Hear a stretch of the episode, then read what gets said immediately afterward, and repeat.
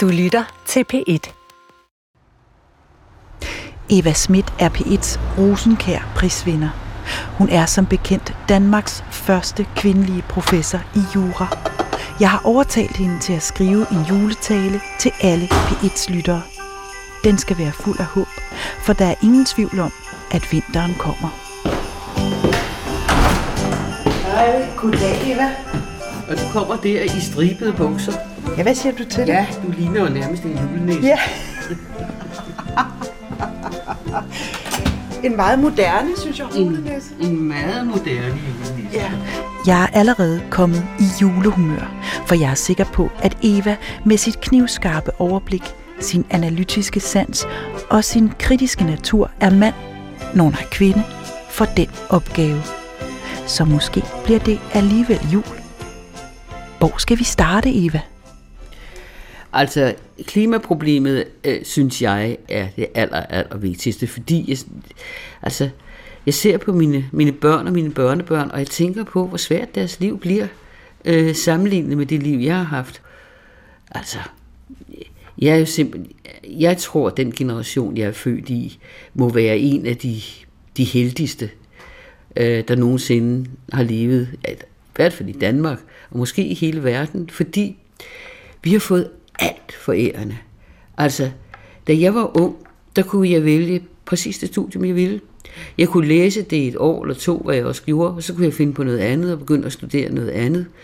Jeg læste først sociologi øh, i, i to år. Og så øh, tog jeg ud og rejse, og så træffede jeg min mand, og så skete, jeg fik nogle børn, og sådan noget, der skete en masse ting. Så begyndte jeg at læse jura, og da jeg var færdig med jura, begyndte jeg at læse psykologi.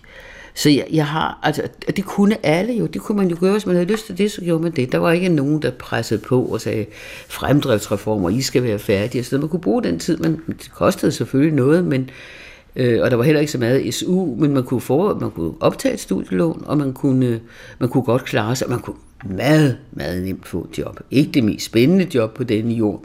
Jeg har haft mange mærkelige jobs, men man kunne sagtens få et job. Hvad, hvad har du lavet?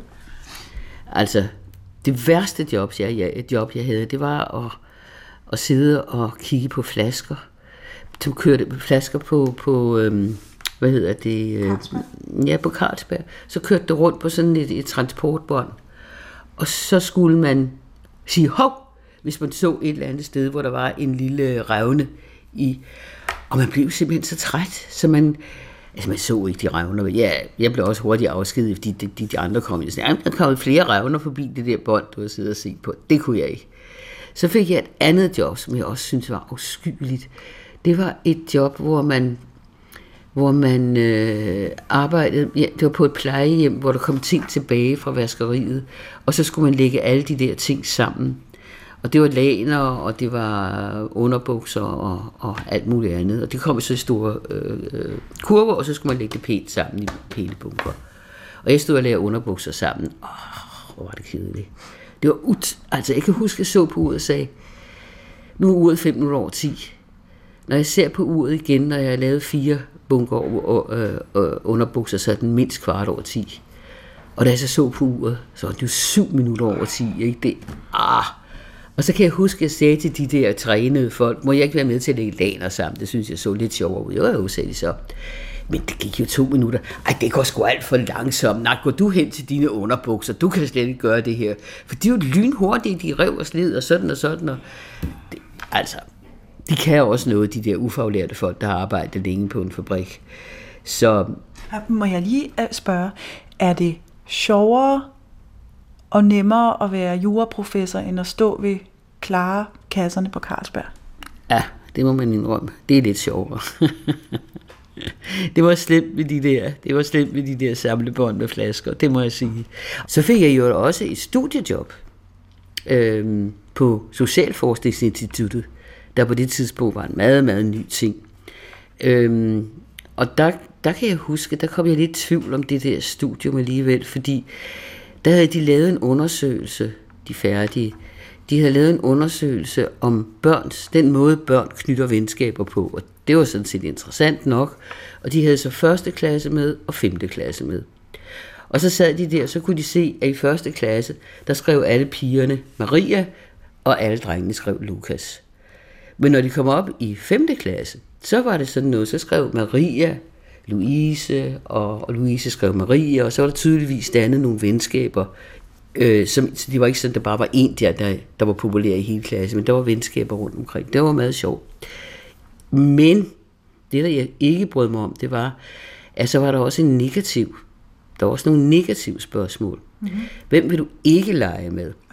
Hvem skal ikke med til din fødselsdag? Og det synes jeg simpelthen, så sagde jeg til de der, hvad er det for noget at spørge børnene om?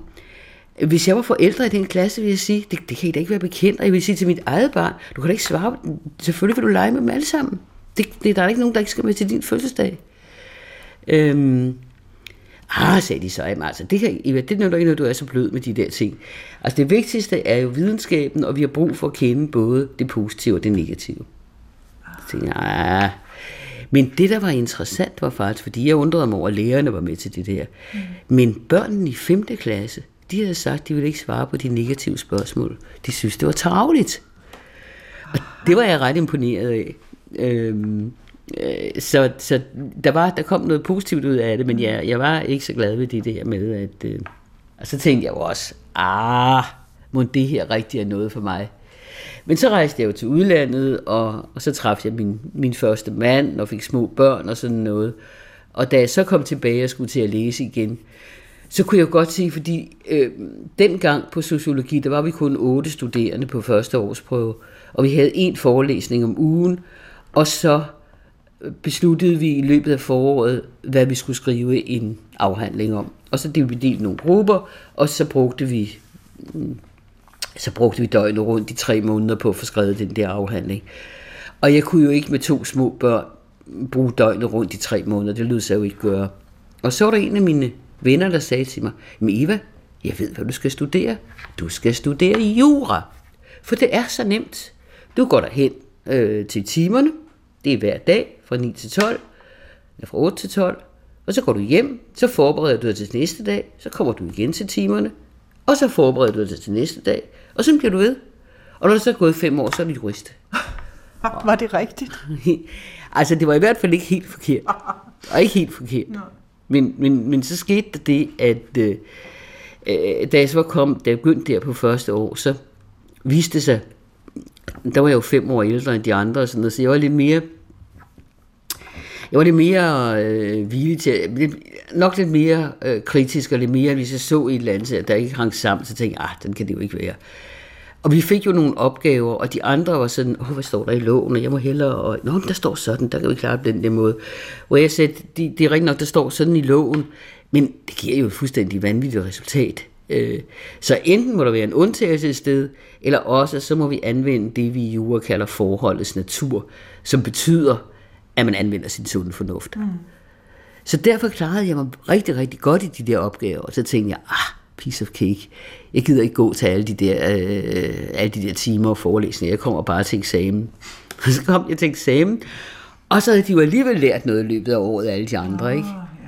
Så jeg sad der med de der opgaver, det var altså ikke så Så jeg, jeg skravede igennem med de laveste bundkarakterer der på, på, øh, på første år.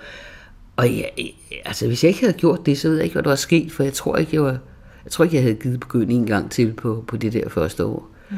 Men nu kom jeg altså igennem, og så gav jeg den skalle, og så den næste år fik jeg nogle rigtig gode karakterer. Det var også fag, der interesserede mig mm. vældig meget, vi havde andet år. Så altså, øhm, jeg kom lidt væk fra, men da jeg så på mit, når jeg ser på mit eget liv, hvor jeg bare kunne gøre, som jeg ville, da jeg var ung, læse, hvad jeg ville, da jeg så var færdig, så kunne jeg få et job. Det var ikke noget problem. Der var masser af jobs, jeg kunne få. Og så er det bare gået opad og opad og opad og opad. For hvert år, jeg har levet, har vi fået flere penge mellem hænderne, fået mulighed for flere ting, fået en bil, da den tid kom, fået fjernsyn, kom en tid, hvor man ikke længere rejste rundt på, på Interrail, men pludselig kunne tage et fly mm. for 500 kroner til den anden ende af verden. Øhm, og det er bare gået fremad og fremad og fremad. Vi har kunne få oplevelser og se ting og muligheder, som, som ingen havde troet muligt, dengang jeg blev født. Og de bekymringer, vi havde, da jeg var ung, det var jo, altså der var den kolde krig, og der var øh, den der angst for, at enten Sovjetunionen eller USA skulle trykke på den røde knap, så atomkrig kom i gang. Og så opstod jo der, da jeg, der var jeg, der var jeg netop på, øh, på øh, læst sociologi, der opstod jo øh, Kubakrisen, mm. hvor der var sket det, at Sovjetunionen havde opstillet nogle missiler på Kuba, som var rettet direkte mod USA, og som kunne nå både Washington og, og New York. Øh, og det havde man fundet ud af, øh, men der var ikke nogen sprængladninger på. Og så øh, fik man så at vide, at nu rejste de russiske skibe fra Moskva med de der sprængladninger til Kuba. Og USA sagde, at det vil vi ikke finde os i. Øhm, og generalerne foreslog at man skulle øh, opbliveligt indtage Kuba og bombe det der. Men, men, men Kennedy sagde, nej, vi lægger en, vi lægger en øh, ring af krigsskibe rundt om Kuba. Og hvis de kommer ind i den blokade, så hvis de ikke vender inden den der blokade, så går det, så går det altså galt. Og så begyndte de der skibe jo at sejle, og det ville tage fem dage eller sådan noget. Der var, der var, der var meget en panik i luften, ikke? Og jeg kan huske, at jeg sagde til min, min ven dengang, altså, vi kan ikke bruge de fem sidste dage af vores liv på at være på universitetet og sidde og løse opgaver. Jeg synes, vi skal tage i sommerhus. Og så tog vi op, og det var i oktober måned, det var koldt. Jeg kan huske, vi tændte op i pejsen og lagde os foran i på, på, øh, på vores øh, øh, øh madrasser og dyner og sådan noget. Og altså, det blev faktisk fem rigtig dejlige dage, fordi øh, vi gik nogle lange ture, og vi øh, elskede, og vi... Øh, og vi snakkede om fremtiden, fordi på en eller anden måde, så tænkte vi, at så galt ville det vel ikke gå.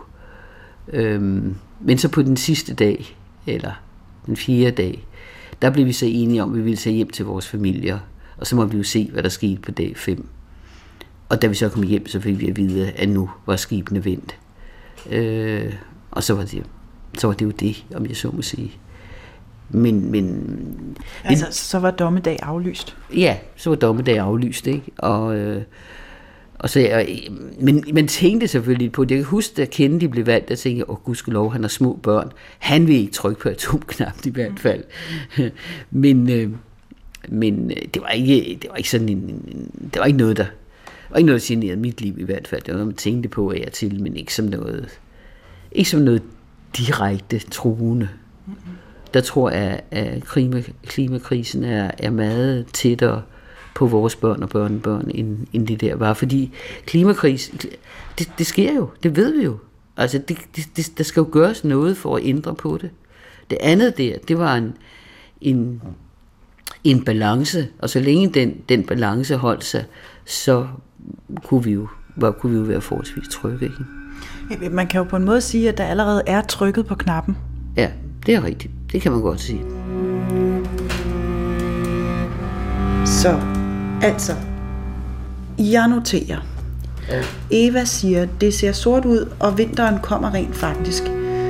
Der er allerede trykket på knappen. Jeg havde egentlig håbet, du ville sige noget andet. Jeg havde håbet, du ville sige, det skal nok gå alt sammen. Det har det gjort så mange gange før. Men, men det sagde du ikke helt. Ja. Sådan. Så er det noteret. Hmm. Samtalen tog en helt anden drejning, end jeg havde forberedt. Eva er fuld af historier, og de er virkelig gode alle sammen. Og i stedet for klimakrisen fik vi løst Kubakrisen. Evas ungdom var fuld af muligheder og håb. Selv en jurastuderende med bundkarakterer kunne blive professor dengang. Men sådan er det ikke længere. Dommedag er forestående, som musikken også antyder. Tak for nu. Yes. Jeg håber virkelig, at vi i morgen kan fikse den klimakrise. Vi ses i morgen igen. Det gør vi. Hej. Hej.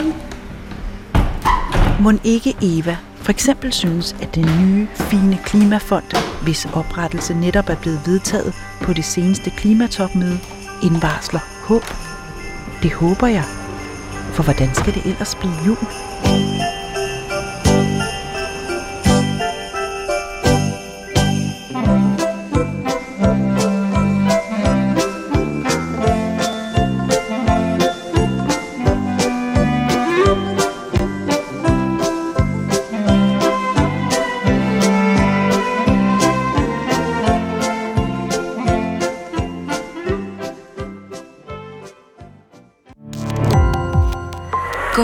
Opdagelse i alle DR's podcast og radioprogrammer. I appen DR Lyd.